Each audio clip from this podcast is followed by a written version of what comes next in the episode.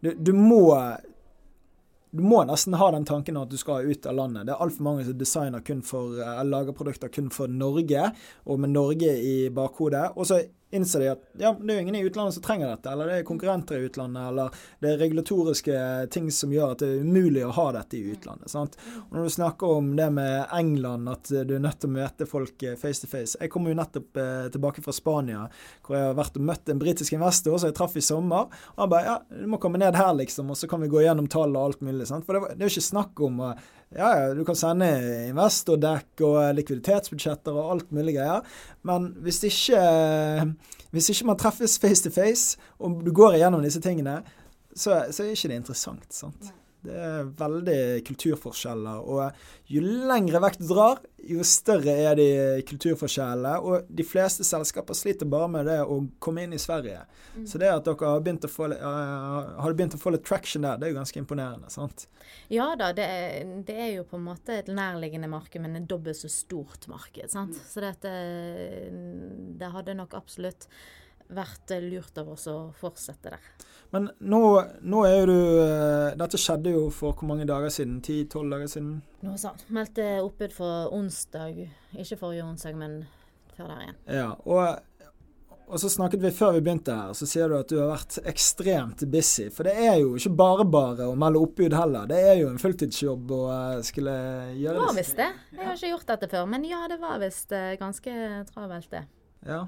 Uh, hva har du lyst til å gjøre videre? Har du lyst til å være i startup-verden? Har du lyst til å Du, du sitter litt styre, har jeg forstått. Eh, hva ser du for deg? Du har jo lært utrolig mye, og den verste tingen jeg vet, er jo å se talentfulle mennesker som deg i startup-bransjen bare forsvinne og eh, hoppe inn i en eh, jobb hos et stort eh, konsulentselskap eller en bank eller eh, Sant?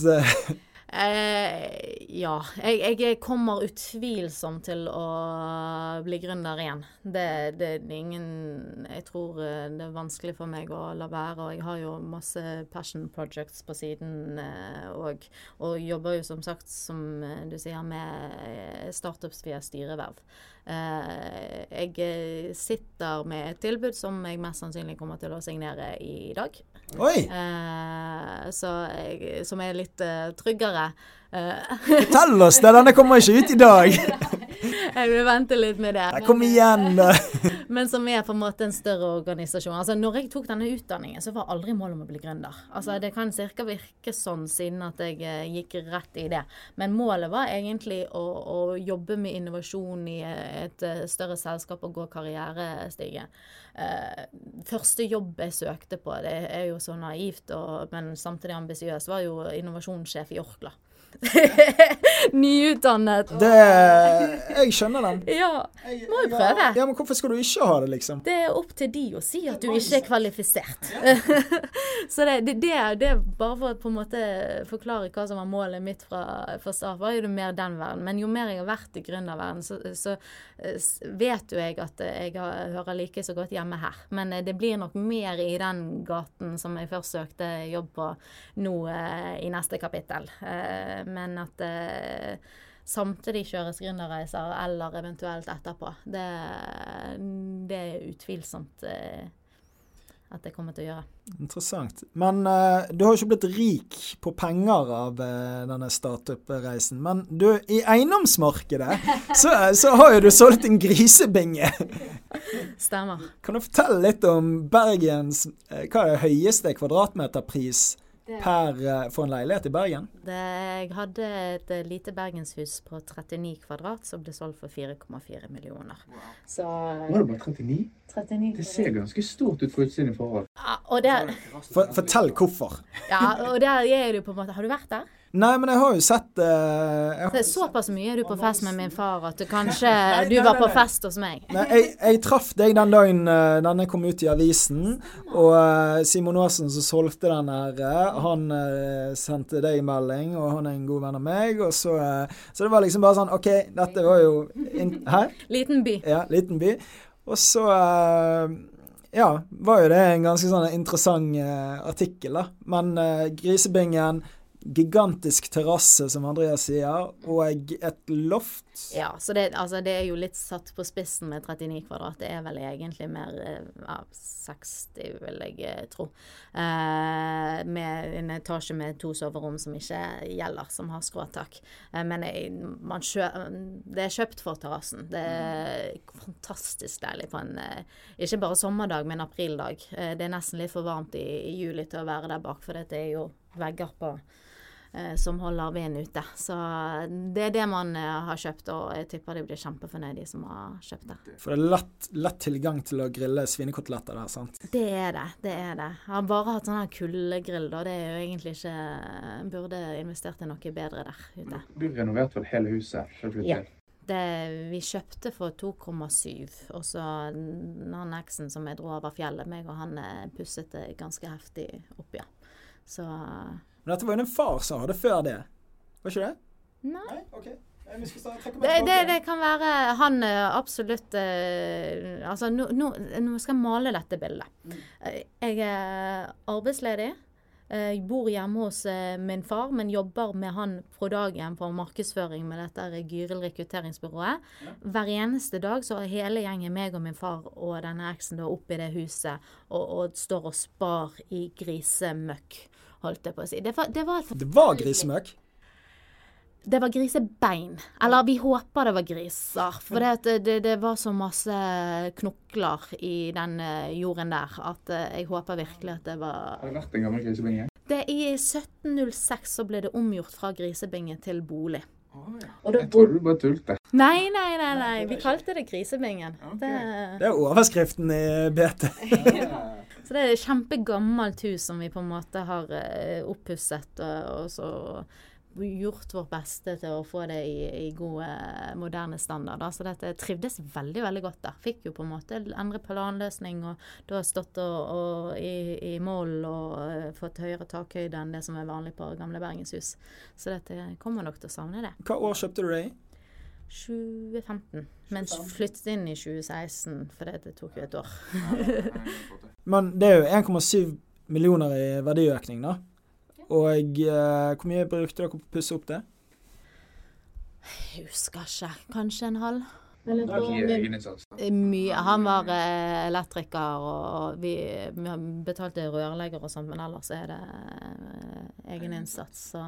Ja, det, det, er liksom det samme som jeg, da. Jeg prøver På Tinder så sveiper jeg høyere når jeg ser noen som er fysioterapeut, og det er en grunn til det. sant? Jeg har skink i nakken her jeg sitter nå, og jeg trenger virkelig noe ja, Mamma di sa da at neste gang må du finne deg en rørlegger, for den rørleggeren var jo dyr. Ja, rørleggeren er mye dyrere enn elektrikeren. Sånn.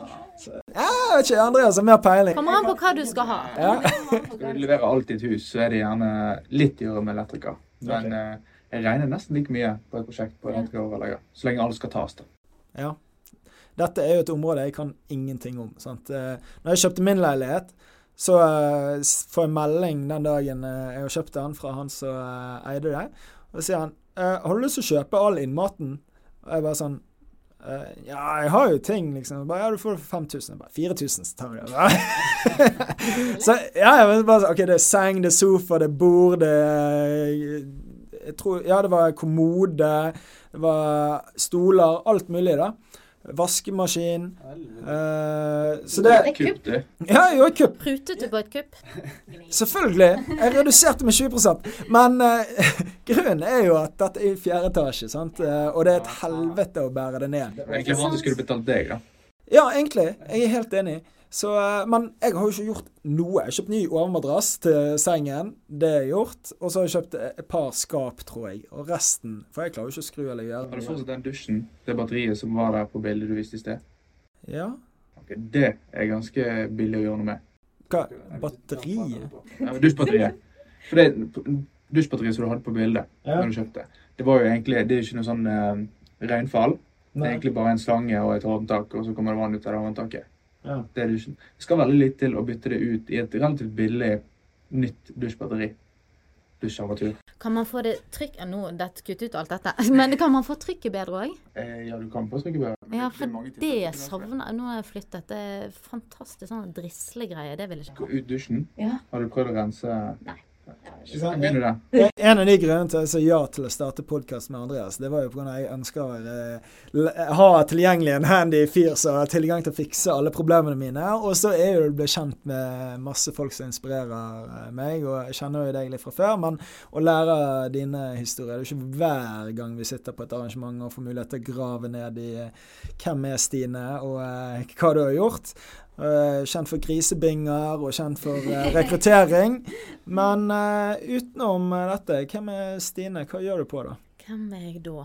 Um, Vi snakket jo litt om dette i forrige episode òg, med Christian. Hvem er man når man ikke er gründer? Eller når man separerer seg fra ideen og fra jobben sin? Ja, identiteten din er jo ikke bare gründer-Stine, sant? Eller Nei, og, og, og, og det var den jeg måtte Nå når vi på en måte eh, feilet litt, så måtte jeg i hvert fall separere de, sant? For å ikke gå helt i, i grøften og føle at man på en måte feilet på et personlig nivå. Eh, så det, det, der tok jeg noen runder med meg sjøl, og på en måte det du prøvde på, gikk ikke og feilet. Men du som person og kompetanseperson har eh, ikke feilet. For det er lett å føle seg eh, liten og udugelig, ikke det at du er det. Men eh, jeg, har, jeg har gjort det når jeg har gått på Jeg er trinnet. slem, jeg er liten, jeg er udugelig. Nei. Nei, nei, men det er jo lett å sitte i sine Nå har jo du hatt uh, en god del uh, folk rundt deg, heldigvis.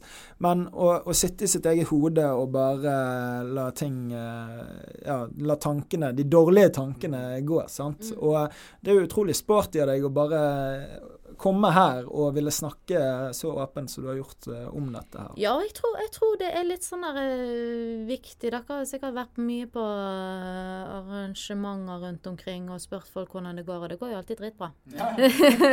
jeg merket nå sist når vi var på denne demoday på, på Vestlandet, og får fortsatt spørsmål hvordan går det? Og når jeg da sier nei til dritt, så ble folk sånn Så deilig! de bare, nå har de tatt en runde her, og, og eh, de fleste sier jo, det går nå bra, men alle vet jo at det går dritt i dette markedet. Det, det var jo noe Jeg tror det var samme dag. Det var sånn Join a Startup. sant? Og eh, da hadde det vært sånn at de måtte tvinge folk, startups, til å stå på scenen og si at de trenger folk. For det, det er ingen som har hentet penger, nesten, sant? og har penger til å ansette. Så det, kanskje de trenger noen på deltid, eller noe sånt, men de fleste prøver bare å overleve. da. Og så ser man veldig klart eh, når du er på Demo Day, som er liksom eh, den største eventet her på Vestlandet, hvor det er mange hundre investorer som sitter i salen og hører på eh, de drømmerne som er der ute. Og de fleste var jo innenfor havteknologi eller helse eller eh, klima. sant? Det var det som gikk igjen, egentlig på hele innovasjonsuken her i Bergen. Og alle andre som du treffer, hadde sånn, ja, hvordan går det? Nei, det går jo så vidt rundt, da. så eh, det er jo eh, Det er jo noe man må bli bedre på her i Norge. Å snakke om hvordan det faktisk går. Jeg, jeg, jeg kjente det at det, det, det var litt sånn der eh, godt egentlig å ha sånne samtaler. Og, og faktisk si at nei, vet du hva, det kan være vi eh, faktisk må melde oppbud, og, og at eh, vi må gi opp det som var drømmen. Vi, så det, jeg kjente da, da ga det folk mulighet til å dele samme. Eh, Men det gjør jo det òg lettere for deg å få ut det at OK, det går ikke så bra. Sant? At du snakker om det. At, uh, ja da, absolutt. Absolutt. Mm. men uh, Hva var det, hvem jeg var som person, var det det vi var inne på? Så bare begynte jeg sånn Nei, veldig trist. uh, nei, altså som person jeg, jeg tror jeg er overraskende nerdete. Jeg har Grunnen til at vi gjerne har samlet så mye på quiz og brettspillkvelder og sånt, det er jo det at jeg har veldig interesse for sånne type ting. Eh, jeg har tvingt eh, medarbeider på medarbeider til å spille all slags rare brettspill og kortspill og mine egne versjoner av det eh, og sånn. Så det, jeg tror jeg er rarere enn jeg prøver å fremstå på en scene når jeg pitcher. Har du vurdert å få deg en deltidsjobb som sånn quizmaster? Jeg er ikke så god på quiz. Der er jeg kjempedårlig. Jeg har ingen allmennkunnskap whatsoever. Ja, jeg, jeg tror det, det var jo sånn jeg og Andreas traff oss. eh, Ja, ja, men det, det handler mer om at det, det, det var mer eh, lettere å å s- Altså, det jeg liker med spill, er jo å samle folk. Det er jo det at man har Jeg jobber jo i en bransje hvor ikke alle er like utadvendte som oss tre er. på en måte. Det er veldig mange introverte, og måten å bonde med de er å finne en felles aktivitet. Som gjør at man på en måte må snakke sammen og begynner å bygge tillit til hverandre uten at det er spørsmål om hvordan det går og, og kleine ting.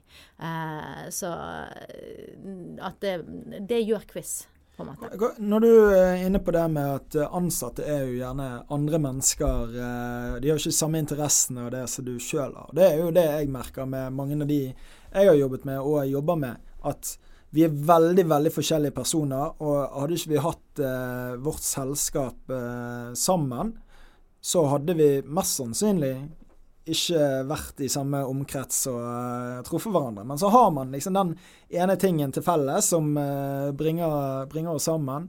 Og uh, det tror jeg er jævlig viktig, at det er mye forskjellige folk med forskjellige interesser, og at man skiller. Man kan være gode kollegaer, mm. men man trenger ikke være bestevenner utenom da, og hele veien. Nei, altså, jeg, altså, Vi var inne på det i sted. Innovasjon skjer når du har på måte forskjellige perspektiver som møter hverandre om en idé.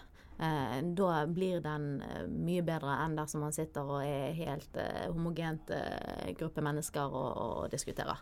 Eh, så eh, absolutt. Har du noe morgenrutine? Nei, jeg er B-menneske du luxe, så det er å, å slumre ca. syv ganger. Uh, og, og pusse tennene og komme meg ut døren. Ingen dusjing? Ikke om morgenen, det har jeg ikke tid til, så det, det må jeg ta om kvelden. kveld. Lite, men jeg har jo en drøm om en morgenrutine hvor du på en måte står opp og trakter kaffe. Og, det har vi alle. Ja, og på en måte sitter deg ned, gjerne mediterer litt og ja. Det er drømmen. Og gjerne en dusj òg, ja.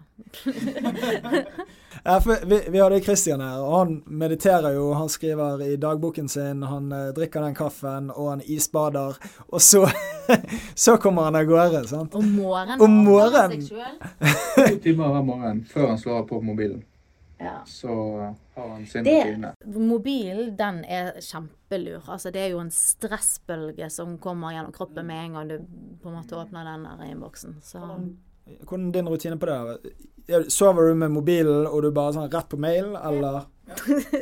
jeg, jeg, burde ikke, men eh, jo, det er dessverre sånn det er nå. Jeg prøver å bli mer og mer bevisst på det. Jeg prøver å lese meg veldig mye opp på stresshåndtering. Altså, det, selv om jeg sjøl syns jeg takler stress bra, og syns at jeg på en måte eh, Jeg syns jeg er veldig flink til å håndtere stressende situasjoner og, og skille fakta og følelser, hvis du skjønner. Uh, på en måte, Hva er det vi vet, og hva er det vi kan håndtere nå, versus hva kan vi bekymre oss for senere.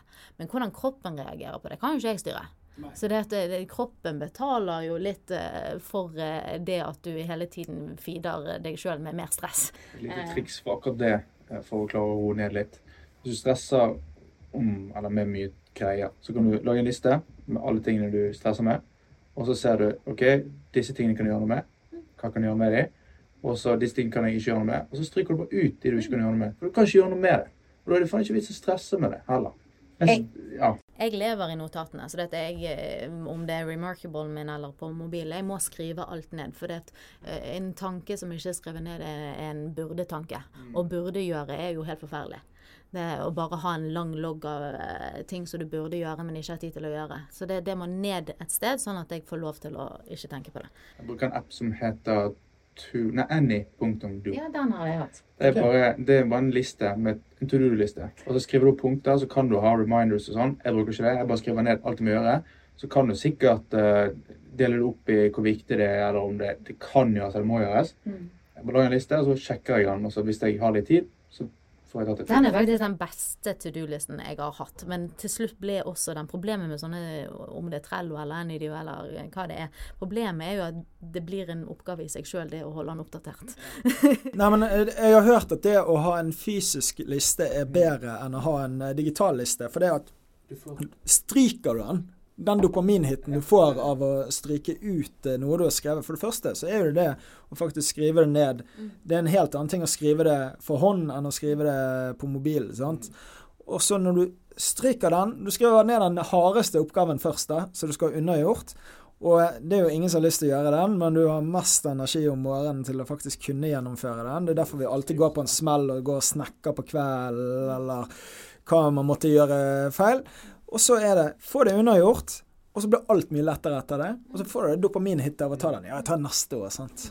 Det siste året har jeg òg researchet, og med researchen så mener vi alltid TikTok, eh, en del på hvordan man Altså det som jeg sier, jeg føler jeg har god kontroll på stresset i hodet, men stresset i kroppen er der fortsatt fordi det faktisk er så høyt tempo. Så jeg har researchet en del på eh, fysiske ting du kan gjøre, som får meg til å se ut som en sånn yoga-meditasjonsflygende eh, greie, men eh, som faktisk funker. Det er, det er, alt fra liksom å, å holde øreflippene nede i ti sekunder mens du puster ut og inn, til å nynne, til å Du vet når du pusser tenner og gurgler. Mm. Det, det, det, handler om å få kroppen ut av fight or flight. Ja. Eh, så få han ut av et sånn der vi er i krise-status, eh, eh, og få han inn i en sånn rest and digest, altså at kroppen faktisk får gjøre kjernefunksjonene sine, mm. sånn at han fungerer bedre. Jeg kan òg et isbad eller isdusj. Det òg. Det er det samme. Det er det samme. Det, ja, det som var litt morsomt, det var rett før jeg la meg i går, så fikk jeg opp noe sånn en fyr som bare sa ja, jeg gir deg 100 dollar hvis ikke dette funker. Og det, han sa det på en podkast, og det var, det var, ikke sånn at eh, det var en guru som skulle selge deg noe. Men eh, ene tingen han nevnte, det var å pusse tærne med venstrehånd istedenfor. Og så hadde han noen sånn inhaleringsteknikk. Eh, jeg skal finne den etterpå. Men det var utrolig fascinerende. Bare sånn OK, det, det fikser alt. Det var sånn, jeg var sånn Hæ? Men uh, ja, stress er jo noe de fleste gründere virkelig kjenner på. Og uh, håndtering av det, det er jo det som gjerne skiller mange. Jeg, jeg har jo en uh, greie Jeg begynner å snakke og spise sjokolade og gjerne usunt. Og det er jo en trigger. Så når du lærer å gjenkjenne disse her tingene som gjør at OK, når jeg gjør de tingene, så er jeg stresset. Mm. Sant? Det kjenner på kroppen, du kjenner på uh, egentlig handlingene du gjør, at OK, nå, nå, er du stresset over noe. Hvorfor er du stresset? sant? Mm. Synliggjør du det, og så uh, må du håndtere det på en måte. Sant? Så adressere det igjen. Da. Jeg fant et nytt tegn uh, hindagen faktisk på hva jeg gjør når jeg er stresset. Og jeg tenkte ikke over den før jeg plutselig sier til madammen at nå hører jeg på Mac Miller fordi at jeg er stresset. For nei, jeg har sånne perioder. jeg er sånn jeg er ikke stresset i ti minutter. Jeg er gjerne stresset i sånn hvis jeg si finansiering, da. Hvis jeg skal fikse finansiering på et bygg, da er det gjerne ikke 200 000, da er det gjerne snakk om 18 millioner. sant? Ja. Og da går jeg stresset litt hvis jeg ikke har det på plass, og da hører jeg på Mac-biler. Ja. Jeg har det samme med Del. det er sånn, Jeg hører aldri på henne, bortsett fra hvis jeg trenger henne. Hvis jeg føler jeg trenger litt ro i sjelen. Jeg, jeg, har en sånn spilleliste som det er fire sanger på. Den hører jeg kun på før jeg skal inn i viktige møter. La, la oss si at Tiger Nei, nei, nei, det, det er ikke det. Eller det er et par, nei, det er ikke den, men det er ikke den, men det er et par andre sanger der som er ganske sånn øh. Og så uh, For det at når du skal inn i de viktigste møtene, om det er et investormøte, eller du skal få på plass en avtale med en gigantisk fotballklubb, sant?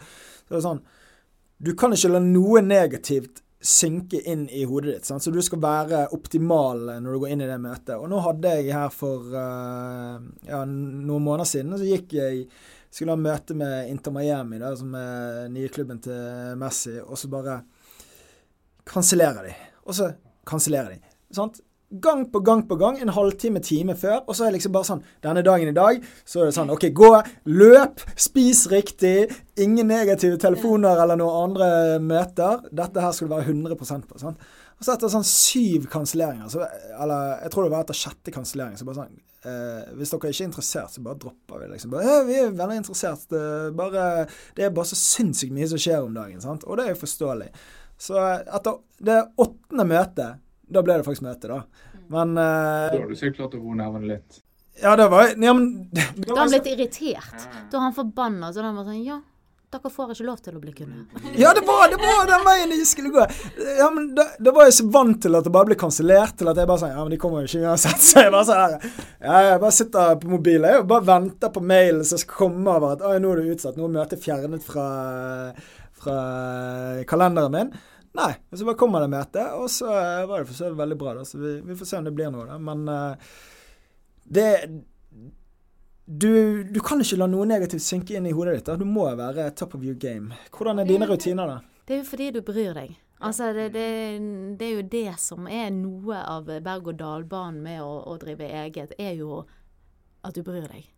Altså Hadde du jobbet for et større selskap, så har, du ikke samme tilknytning til enderesultatet på den perform performancen som du skal gjøre. Uh, jeg har nylig nå vært innleid en, uh, med en startup i en, uh, i en prosess med med PS-selskap og hjulpet dem på en måte med kommunikasjon og, og, og investordekk og, og lederom og, og, sånne type greier. Og, vi da reiste og besøkte disse internasjonale P-fondet. Uh, Private equity.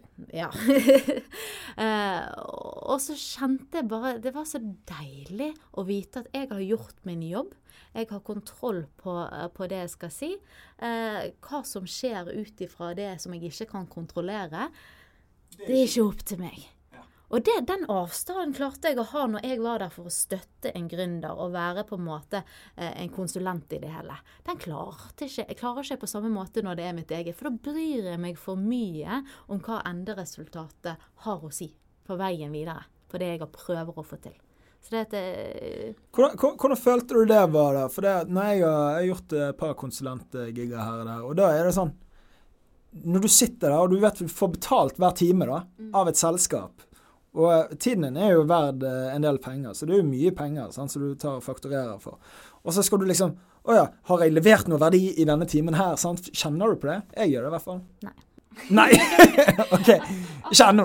ja, og det der Jeg hadde en samtale om tilbudet jeg fikk nå med, med en venninne i går, og, og de bare sånn Får ikke, får ikke du noia? At de skal betale deg så mye. Altså, eh, tenk hvis du ikke trives, og så slutter du, og så har de betalt deg alt dette her eh, for eh, Får ikke du nøye når du skal ha en sånn lønn? Og jeg bare sånn Nei. Altså, jeg vet at jeg leverer verdi for de. Altså, jeg hadde veldig noia for sånt i begynnelsen av karrieren da jeg var så ung og trodde at alle var superhelter. Men når jeg på en måte har vært i næringslivet lenge nok til å se at de aller fleste eh, har liksom 50% kompetanse og 50 faking it, ja. Eh, så på, på, en måte blir jeg så trygg i, i den verdien jeg gir. Og så har du breddekompetanse, da? Ja. Jeg føler at jeg både på en måte da handler det kanskje mer om slags konsulentoppdrag jeg tar. Da. Jeg tar ikke på meg eh, oppdrag som jeg ikke tror jeg kan uh, gi en reell verdi på. Men akkurat det, nei. Det, det, jeg er mer bekymret for Jeg blir mer irritert hvis det, de ikke uh, kan betale. At det, det, er veldig tydelig at jeg egentlig har lyst på meg 100% men uh, jeg har budsjett til 20% Ja, det er mer enn nok av de. Men det er jo sant du er inne på du har jo bygget en kunnskap som er verdt mye penger, og som som selskaper villige til å betale mye penger. sant? Og den, Når du kommer nyutdannet ut og du skal bli Orkla sin uh, innovasjonsdirektør, sant? Så, så, ville jo du kanskje hatt en verdi som nyutdannet på 500 000 uh, i året. Men nå har jo du en helt annen verdi per time. sant? Og du har en kunnskap som de færreste kan drømme om. Og det er jo det som OK, du, du har kanskje ikke blitt rik på penger i form av uh, akkurat uh, den gründerdrømmen uh, du har jaktet. Ikke ennå. Ennå! Sant? Uh, men du har bygget en enorm kunnskap som veldig mange er villige til å betale mye penger for, og som på sikt igjen, når du ditt neste, bygger ditt neste selskap, mest sannsynlig har større sannsynlighet for å lykkes med, fordi du har lært utrolig mye på veien. sant? Og derfor gjør jo det at venninnene dine ikke helt skjønner hvordan du kan ta så mye betalt. sant? Og, eh, og det er jo det var jo jeg litt spent på. For det, denne kunnskapen jeg, Nå høres jo jeg sikkert litt eh, altfor selvsikker ut, men jeg, jeg syns jo den Jeg har den. Jeg er trygg på den. Men jeg var spent på For han, er ikke, han er veldig eh, vanskelig å beskrive. Ja. For det, det, er mye altså Når det kommer til growth hacking, når det kommer til markedsføring, der er veldig sånn spesifikt. Jeg kan dette, jeg kan dette, jeg kan dette. Og dette er workshops jeg kan kjøre med din bedrift. Jeg har gjort det i flere bedrifter. Jeg vet jeg kan holde foredrag om dette og dette, og workshop om dette og dette. Men alt annet som handler bare om hvor mye du har måttet omstilt deg og håndtert forskjellige ting som kommer underveis, den er jo vanskelig å formidle på en CV eller en søknad eller intervju. Den er jo på en måte Og det er gjerne den noen som ikke kommer fra denne bransjen sjøl, eh, sliter med å, å, å, forstå verdien av. Det er jo det som kalles goodwill. Ja, det, det, er den, den, verdien som ikke kan synliggjøres, mm. men som ligger der, da. Uh, som gjerne er det som ligger òg i et selskap. Sant? Hva er verdien av dette selskapet? Ja, hva har dere gjort, da? Nei, det er jo menneskene. Det er jo kunnskapene vi sitter med her, som sammen skal kunne skape disse verdiene og få til dette her. Og det er goodwill. Det er det man betaler for. Mm. Sant? Og uh, det, ja, det er jo ikke mange folk der ute sånn som deg. Nei, og det er det på en måte Eller jo da, det er det mange av. Nei, men ikke med. Det er en unik kunnskap, sant? Nei, nei, men, og, og, der er det gjerne fordel, altså i forhold til meg som ikke ville til Bergen. Fordelen med å være i Bergen er jo at det er såpass lite nettverk at faktisk du kjenner noen som kjenner noen, og faktisk kan gå god for at eh, jeg har faktisk jobbet med noen her, og, og eh, lokomotiv av en dame, på en måte. Eh, at det er ikke det, Du kan dra nytte av den lite samfunn fordel der, da. Selv om det gir noen utfordringer i forhold til at Bergen er jo litt en filialby. Eh, innovasjonsstillinger på, på ledernivå og sånn, det er ikke så mange av de. Eh, så du er litt sånn prisgitt timing på det når man eh, Men er det en innovasjonsstilling du har tilbud om nå, ja. og du tar en vurdering på? Ok. Og du blir kalt et lokomotiv av en dame? Er det referansen din? Er det det som står på CV-en? Lokomotiv av en dame. Det liker vi. Det liker vi. Uh, på godt og vondt. Altså, jeg avbryter. Ja. Så det, er det lokomotivet avbryter også. Så det er på godt og vondt, vil jeg si. Ja, ja men det, det er viktig, det. det kaller jeg uh, Lokomotivet Stine fra nå av. Tog-Stine kan vi kalle det. Tog-Stine. Ja, så du skal begynne borte hos Vy nå, da, på togstasjonen, og være ansvarlig for uh, byggingen, innovasjon. Du skal ta Bergensbanen og effektivisere den. Jeg skal få ansvar for Bybanen over Bryggen. Ja. Dette er kontroversielt. Ja. Nå, nå, nå, er det dere går viralt. Det er den diskusjonen som kommer i kommentarfeltet nå. Men hva har du lært nå at er rikdom for deg? Sant? Nå har du vært igjennom det å skulle Du, du har kjent på papirmessig være rik fordi at selskapet ditt har vært verdt eh, titalls millioner. Og så har du funnet ut at de eh, papirpengene er helt vekke. Hva, hva, er, hva, gjør at du føler deg rik, lykkelig? Rik og lykkelig Det, det altså det er forskjellige ting. På, på, profesjonelt eh, nivå så eh, føler jeg dream-teamet er på en måte rikdommen min. Og da, snakker ikke nødvendigvis om det teamet som jeg har jobbet med gjennom. De òg er absolutt et dream team. Men gjennom å holde på åtte år med både eh, direkte ting eh, Nei, direkte samarbeid med folk, men òg eh, indirekte, så, så bygger vi seg et nettverk av superstjerner, på en måte. Jeg har, Den gang jeg skal starte opp igjen, så vet jeg hvem jeg skal ha på salg, hvem jeg skal ha på markedsføring, hvem jeg skal ha på produktutvikling. Hvem, altså, jeg eh, bygger meg et sånn dream team eh, som jeg syns det er mye rikdom i. Det at jeg vet hvem som er kompetent i denne byen, og hvem jeg kunne hatt skikkelig lyst til å jobbe med hver dag. Det, det syns jeg er rikdom i. Det, det merker jeg eh, forskjell på. Altså, når jeg startet mitt første selskap, så bare sånn Å, jeg kan ikke lage nettsider? Jeg kjente én person som kunne noe nettsider. Han hadde hatt uh, ett fag i uh, to timer i uken i et halvt år. Om, uh, og det var liksom det han kunne. Dette var jo 2014. sant? Mm. Og, eh, så jeg tok kontakt med han. Men nå kjenner jeg en haug med folk som kan lage nettsider. Jeg kan lage nettsider sjøl. Og, eh, og, så er jo det OK, hvem kan ta bilder? Før så klart kjente jeg ingen som kunne lage video og ta bilder for meg. Og nå, nå har jeg altfor mange. sant? Men det, men det som er gøy med det, er jo at du har blitt en god bestiller fordi du har måttet gjort det sjøl. Ja. Vi startet jo med å finansiere den lønnen min i begynnelsen. snart. Begynte begynte vi med at jeg lagde Wordpress-nettsider og enkle apper og, og sånn for rørlegger Andersson, på en måte. Så det, og så har jeg vi på en måte hatt begrenset med kapital, så jeg har måttet stå for markedsføring. Jeg har vært UX-designer de siste to årene. Altså det, og det gjør jo at når vi da bruker konsulenter, eller når jeg ansetter, så er jeg eh, vet jeg hvordan jeg gjenkjenner kvalitet. Uh, så det, det, er jo en kjempeverdi du har fått av å måtte uh, gå gjennom de stegene hvor du har måttet gjøre ting sjøl. Ja, og så leveler du opp uh, etter hvert. sant? Du leveler opp din egen kunnskap, som gjør at som du sier, forventningen til de rundt deg og hvem du velger å jobbe med, det, det stiger. Og jeg tror at det bare vil fortsette utover karrieren. Da, at du bare Du får et høyere nivå på det nettverket du har.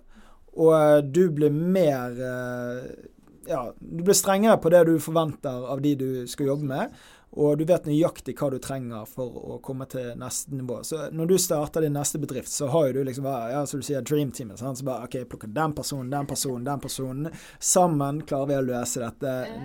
uten problemer. Og så har du lært OK, dette og denne personligheten ønsker jeg ikke å jobbe med, denne personligheten ønsker jeg å jobbe med, og dette er noe jeg eh, sant, eh, ser at det er viktig for å kunne bygge en kultur, og eh, for at alle skal komme godt overens. Sant? For det er jo ikke sikkert at selv om noen er dream team i ditt hode, så er det jo ikke sikkert at de er dream team på tvers. sant? Nei, nei, og det, det er jo på en måte det største risikoelementet når man nå skal gå inn i, som leder i en organisasjon man ikke har startet sjøl, er jo menneskene. Altså hvordan Nå når jeg ikke har valgt hver eneste en Altså, jeg valgte vel aldri min far, men når jeg ikke har valgt resten av uh, gjengen der, så, så, blir det veldig spennende hvordan jeg uh, håndterer uh, det. Ja, for plutselig er jo ikke du som er toppleder lenger, sant? Nei, det òg. Jeg, jeg, kan ikke bare gjøre hva jeg vil nå. Nei, og, og så skal jo du du er en sterk personlighet med sterke meninger, sant? og så skal du justere deg i forhold til det. Det blir spennende. Det, det på, man blir jo veldig sær av å være gründer òg, fordi at man kan man, man, er sin egen sjef. Sant? At man forholder seg til styret, styreleder og resten av teamet. Altså, man er, har jo eh, veldig i høy grad en flat struktur og, og sånt. Men eh, det er mye mer begrenset enn et, et større, en større organisasjon. Uh, det blir spennende å se tempoet jeg er vant til hvis vi på en måte bestemmer noe i dag, så begynner vi tidlig, nei, senest i morgen. så det blir spennende å se i større organisasjoner hvordan jeg klarer å justere meg til å være litt mer tålmodig, kanskje. ja, for det er noe jeg har tenkt på. Sant? Og kanskje en av de tingene jeg angrer på i forhold til min egen gründerkarriere. At jeg aldri har jobbet i en større bedrift og fått de strukturene og rammene som de eh, gir deg, da, i form av OK, vi bruker dette systemet for sånn og sånn og sånn, og sette alt i et veldig strukturert system. da, Om man lærer noen dumme ting eller dårlige ting. sant? Eh, av og til så kan det være altfor mye byråkrati, og av og til så kan det være veldig greit å ha disse rammene, tenker jeg da. Det er spennende å se. altså Veldig mange av de større organisasjonene har jo på en måte blitt litt råket av startup-verden og, og, begynner å, å, se den veien på hvordan de organiserer seg òg. Så dette, jeg håper jo at man møter lignende organisasjoner. Det kan man dra over i eiendom. Hadde jeg gått på videregående nå, så hadde jeg ikke utdannet meg ut i Nordsjøen som jeg gjorde. Jeg hadde gått Kanskje jeg ble tømrer. Mm.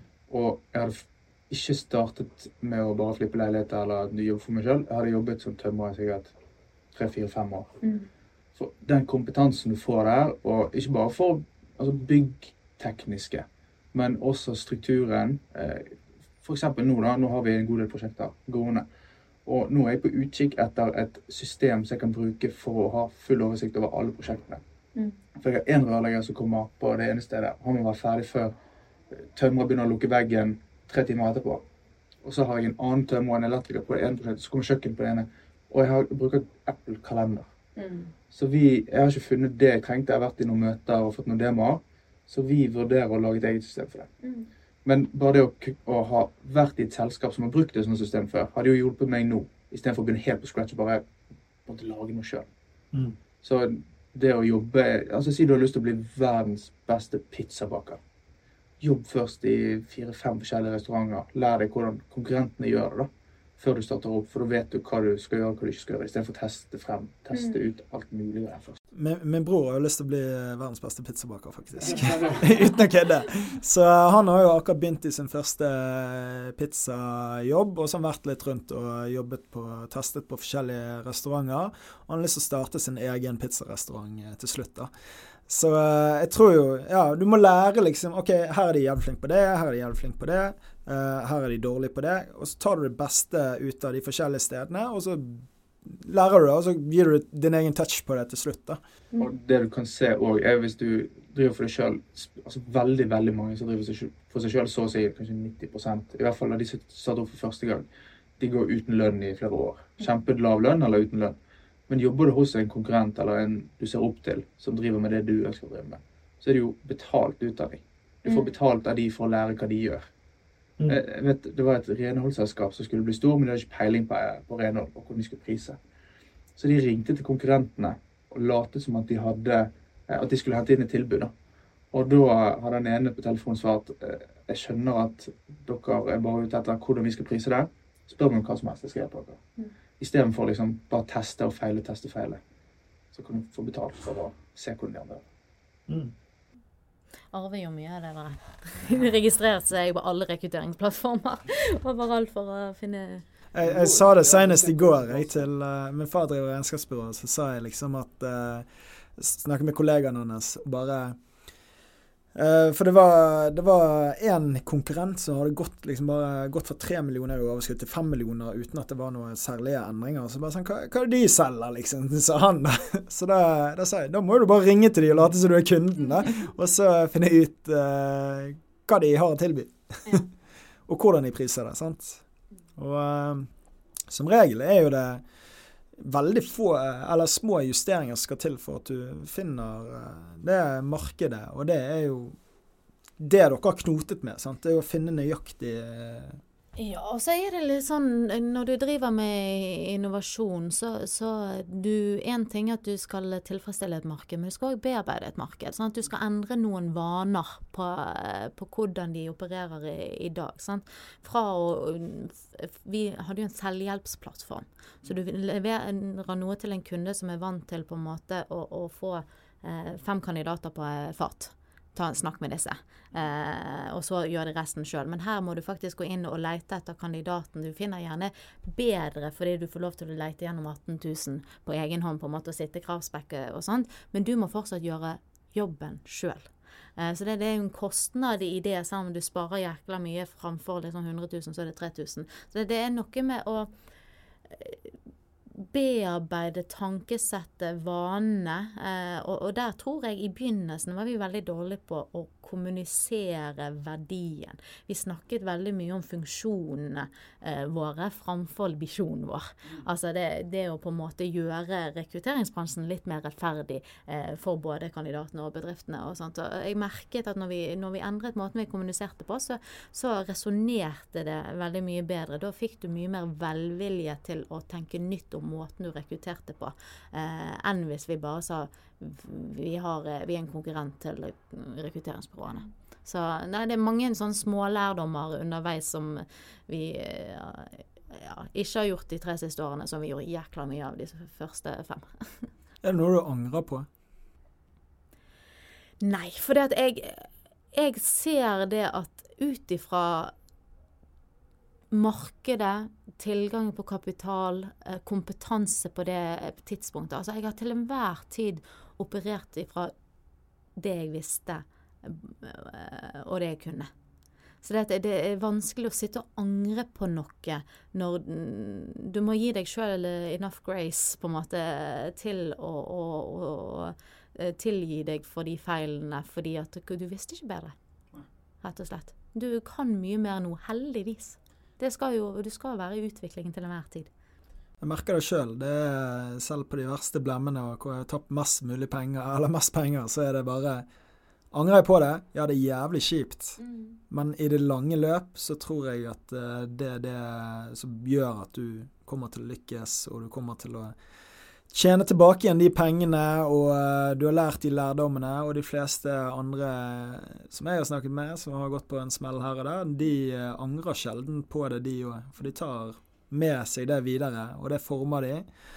Og så kaster det deg kanskje inn i en ny retning da, som eh, gjør at du treffer det som faktisk gjør at du er på suksesshistorien din. Da. At neste bedriften din, eller om eh, du gjør eh, en kjempesuksess som innovasjonsdirektør i den bedriften du velger å gå inn i, og så tar du med det, og så får du sinnssykt mange som legger merke til det, ønsker å investere i din neste drøm og vil være med deg på din neste drøm. sant? Og det er jo en grunn til at du får mye positive tilbakemeldinger på LinkedIn og meldinger og alt mulig. Det er jo Folk har sett hvor hardt du har jobbet, hva du har levert. Eh, produktet som har vært råbra, kanskje ikke passet helt inn i markedet ennå, at markedet ikke har vært klart for det. Men folk ser det du har gjort, sant? Ja da, og der har jo det Det er mange som gjør kule ting og eh, ikke får eh, vist det frem. Eh, der har jeg aktivt prøvd å være litt synlig. Eh, både fordi at det har kjempeverdi for investorene eh, å være med på en reise så de kan være stolt av å, å vise venner og familie hei, ja, dette er jeg med i. Eh, og for medarbeidere som syns det er kult, og for at det har jo faktisk salgsverdi for å skalere det. Men òg litt føler litt på et litt sånn samfunnsansvar og bransjeansvar i forhold til når jeg startet 24 år gammel kvinne i en mannsdominert bransje. Eh, det var ikke ofte jeg møtte på kvinnelige investorer. Det var ingen kvinnelige styremedlemmer i, i de styrene som, som var rundt omkring. Finansavisen var det sjelden kvinner i. Så det, det, det er noe med at eh, når folk spurte meg om hvem mitt forbilde var, så visste jeg ikke. Så jeg sa noe Petter Stordal. Ikke at jeg hadde noe forhold til at det var et forbilde eller ikke. Men det var bare sånn Jeg vet ikke. Nå har du fått inn, eh, eller Dere hadde Berit Svendsen inne som eh, investor og styremedlem. Ikke styremedlem. Ikke styremedlem, Men mentor kanskje for deg, ja, ja. Mentor. Og eh, ja, hun må i hvert fall eh, kunne ha vært et forbilde, vil jeg tro. da. Ja da, men eh, det, det handler jo om når du er 24, på en måte, så det var for langt ifra de. Det var for få imellom de. Dette, men jeg syns at det er annerledes nå. Jeg synes at jeg nå, Men det handler jo om at jeg er aktiv i miljøet og, og, og, snakker med Stine Sofie og uh, alle disse kvinnene som driver oppstart og er rådyktige. Uh, men jeg syns det har vært en viktig del av det. Eh, og på en måte være synlig på, eh, på det vi har prøvd på, som kvinne òg. Jeg tror Det har jo endret seg veldig mye de siste 20-25-30 årene. Sant? Nå er det mye mer kvinner som kommer inn, tar lederstillinger, begynner å starte selskaper. Min mor driver uh, for seg sjøl. Men hun frem til jeg var seks år, så var jo hun hjemme. sant? Og hun hadde ikke utdannelse og øh, hadde ikke jobberfaring. sant? Og så begynte hun å jobbe med kjøkken. Jobbet for et annet kjøkkenselskap, og så gikk det hun jobbet for i konkurs. Og så kjøpte hun opp øh, sammen med min far det, og så Nå har hun drevet det i 15 år. sant? Og jeg tror jo at det å være hjemme med barna eh, hele tiden, sånn som det gjerne var 80-90-tallet, liksom, det har endret seg. Det er en helt annen dynamikk nå. sant? Og eh, mye flere kvinner med høyere utdanning i dag enn det er menn som har høyere utdanning, og i hvert fall på masternivå. Og, eh, så jeg tror jo at i styrerommene og eh, gründere og ledere så kommer det en bølge med kvinner som kommer til å skylle ut eh, alle de mennene. Som sitter der, og kommer til å være kommer, Mange av de kommer til å se opp til deg og de andre kvinnelige lederne som tør å gå frem i avisen være stemmer på LinkedIn og uh, skrike litt høyere enn resten, da. Og uh, du får sikkert mange meldinger fra unge kvinner som er studenter eller er i arbeidslivet, som setter ja, pris på Absolutt det. Og, og, målet er jo, må bare si det, aldri å skylle ut. Altså, målet er jo på en måte at det skal bli jevnere. At det skal være jevnere i styrerommet i lederroller eh, og i sånne type ting. Og det er jo absolutt et veldig politisk spørsmål. sant? Det, så det er jo ofte litt sånn vanskelig å spørre om, og i hvert fall når du snakker om sånn med, hjemme med barn og, og sånt. Eh, så det, det er masse masse vi må gjøre som samfunn for å korrigere en feil, er egentlig det jeg mener. Eh, vi må lage noen føringer som gjør at den ubalansen som er, eh, rettes opp i. Um, og det er sånn som du sier, at det er mange unge studenter eh, som kommer til meg i innvoksen og, og, ønsker å ta en prat og snakke om karriere og ambisjoner. og Hva, hva skal jeg gjøre hvis jeg vil inn der? Og, ja. Så det, det, er veldig kjekt eh, å kunne bidra der. Det er det absolutt. Hvem er dine forbilder nå, da? Nå som du er litt mer voksen og ikke Petter Stordal. Eh. mine fordeler nå? Jeg er litt usikker. Jeg, jeg, jeg, jeg tror ikke jeg har noen sånn konkrete forbilder. Jeg tror, jeg, tror, mine forbilder er mer nærere, hvis du skjønner.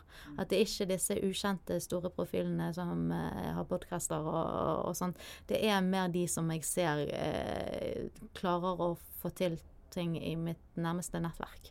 At jeg har lyst til å bli mer som de, og jeg går til de for råd. Eh, jeg tror jeg hadde mye større behov for å ha alle svarene på egen hånd før. Mens nå med en gang jeg står i en situasjon hvor jeg er usikker, eh, så sender jeg meldinger til to andre og bare sånn Hva ville dere gjort? Eh, der har jeg mye mindre frykt for å oppstå, no, bli opplevd som svak og uviten. Det, det å være med, sårbar er en styrke, da. Ja, men det er gjerne noe som kommer med alderen. At det er litt vi sier innenfor uh, IT-miljøet òg, at juniorer de, Når vi har tidligere hatt sånn skill assessment og sånt på plattformen, så så vi at juniorene de lå seg alltid drithøyt i kompetansevurdering. For de visste ikke alt de ikke visste. Men seniorene så du gjerne lå seg litt sånn midt på treet, for de visste om alt de ikke visste. Uh, og det er gjerne det jeg eh, har blitt moden nok til å se at uh, jeg vet ikke alt. Det, det er en egen Jeg husker ikke helt navnet på det, men det er en graf da, som viser dette her. Og det, det er litt det er impostersyndromet. Alle er ekspert i starten. Mm. sant? Helt til du begynner å bli litt ekspert innenfor det, så innser du at jeg kan ingenting og så går du litt lenger, og så sier du ja, nå, nå, nå, er jeg ganske grei eh, innenfor dette her, og da er du gjerne på det senior, som du sier. sant? Men alle juniorer i starten, når de begynner med noe, sånn jeg er verdens beste innenfor dette her, sant? og så innser du at nei, jeg er ikke det. det. Det har vi vært borti. Vi drev jo Ludvig Ludvig satt på felles co-working med dere, mm. og da lagde vi nettsider sjøl, vi var tre mann med Petter og Kjøve. Og vi mente ikke, vi mente ikke at vi lagde verdens beste nettsider. Men vi lagde ganske gode nettsider. Og når jeg ser tilbake på de nettsidene jeg har lagd, så er ikke det verdens beste nettsider. De ser ikke så veldig fine ut i forhold til hva jeg trodde de gjorde da. Og da solgte jeg den ideen om at det er jævla fine nettsider. Skulle jeg solgt den nettsiden nå, så tror ikke jeg hadde tatt samme, jo, kanskje samme pris, men jeg har ikke solgt den inn på samme måte en av de viktigste stillingene du har som, eh, eller oppgavene du har som daglig leder, det er jo å sparke deg sjøl fra mest mulig jobber. Ja. Det er jo å finne folk som er flinkere enn deg til å ta over de 13 forskjellige rollene som du har som markedsfører og eh, regnskapsfører og, og alle mulige andre titler. sant? Ja, og så er du eh, Du må òg sparke deg fra roller som stjeler energi. Altså, det, det, er en graf der òg i forhold til å være i flow state og delegering og, og sånne Oppgaver som kan delegeres, skal delegeres. Oppgaver som du er ekspert i, men øh, på en måte det stjeler energi, skal også delegeres. Oppgaver som du er ekspert i, men som gir deg energi, det er flow state-oppgaver. De skal du ha. Det, der skal du være mesteparten av tiden. Alt det andre skal delegeres. Det, det likte jeg veldig godt. For det, det er litt sånn hvis du prokrastinerer, så viser du egentlig at dette hater jeg å gjøre. Mm. Selv om du kanskje kan være flink til å gjøre det. Prokrastinerer du innenfor det, så er det sånn Deleger det til noen som elsker det istedenfor. For det stjeler energien din. Det stjeler mye tid fra det som faktisk skal gjøres. Og uh, du kommer ti ganger raskere til målet hvis du har noen som brenner for det. Ja, og det, det er jo en del av problemet som gründer og lite team. Sant? At du må gjøre mange av de tingene som du har blitt dessverre god på.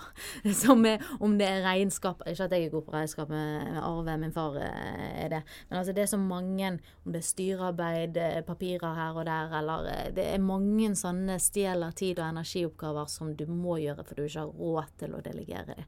Eh, men klarer man å, finne en måte å delegere det, så tror jeg det går mye bedre med den fysiske og psykiske helsen som gründer. Jeg merker det hver gang jeg skal inn i et Excel-program, så bare stopper det opp. Da er det liksom alt annet kan gjøres istedenfor å være inni Men så må det gjøres, og da blir det som regel på natten eller i helgene, og så sitter jeg med det likviditetsbudsjettet og bare justerer og puncher. Og Sitter øverst på listen og tar om morgenen. Ja, men også forstå at alt har en eh, kostnad. Altså for å si det sånn, Når jeg kjøpt ny leilighet, så er ingen egeninnsats. alt eh, betaler jeg meg ut av fordi at jeg skjønner at det har en kostnad på lykke og forhold. så tid. Og tid, ikke minst. At nå er vi gjerne ferdig på to-tre uker istedenfor det året jeg brukte på den andre.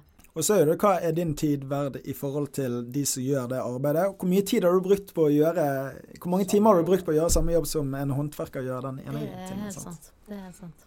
Så uh, Jeg tror vi rett og slett må runde av der, jeg. Så får du ha tusen takk for at du kom innom på podkast hos oss. Og så snakkes vi i neste episode.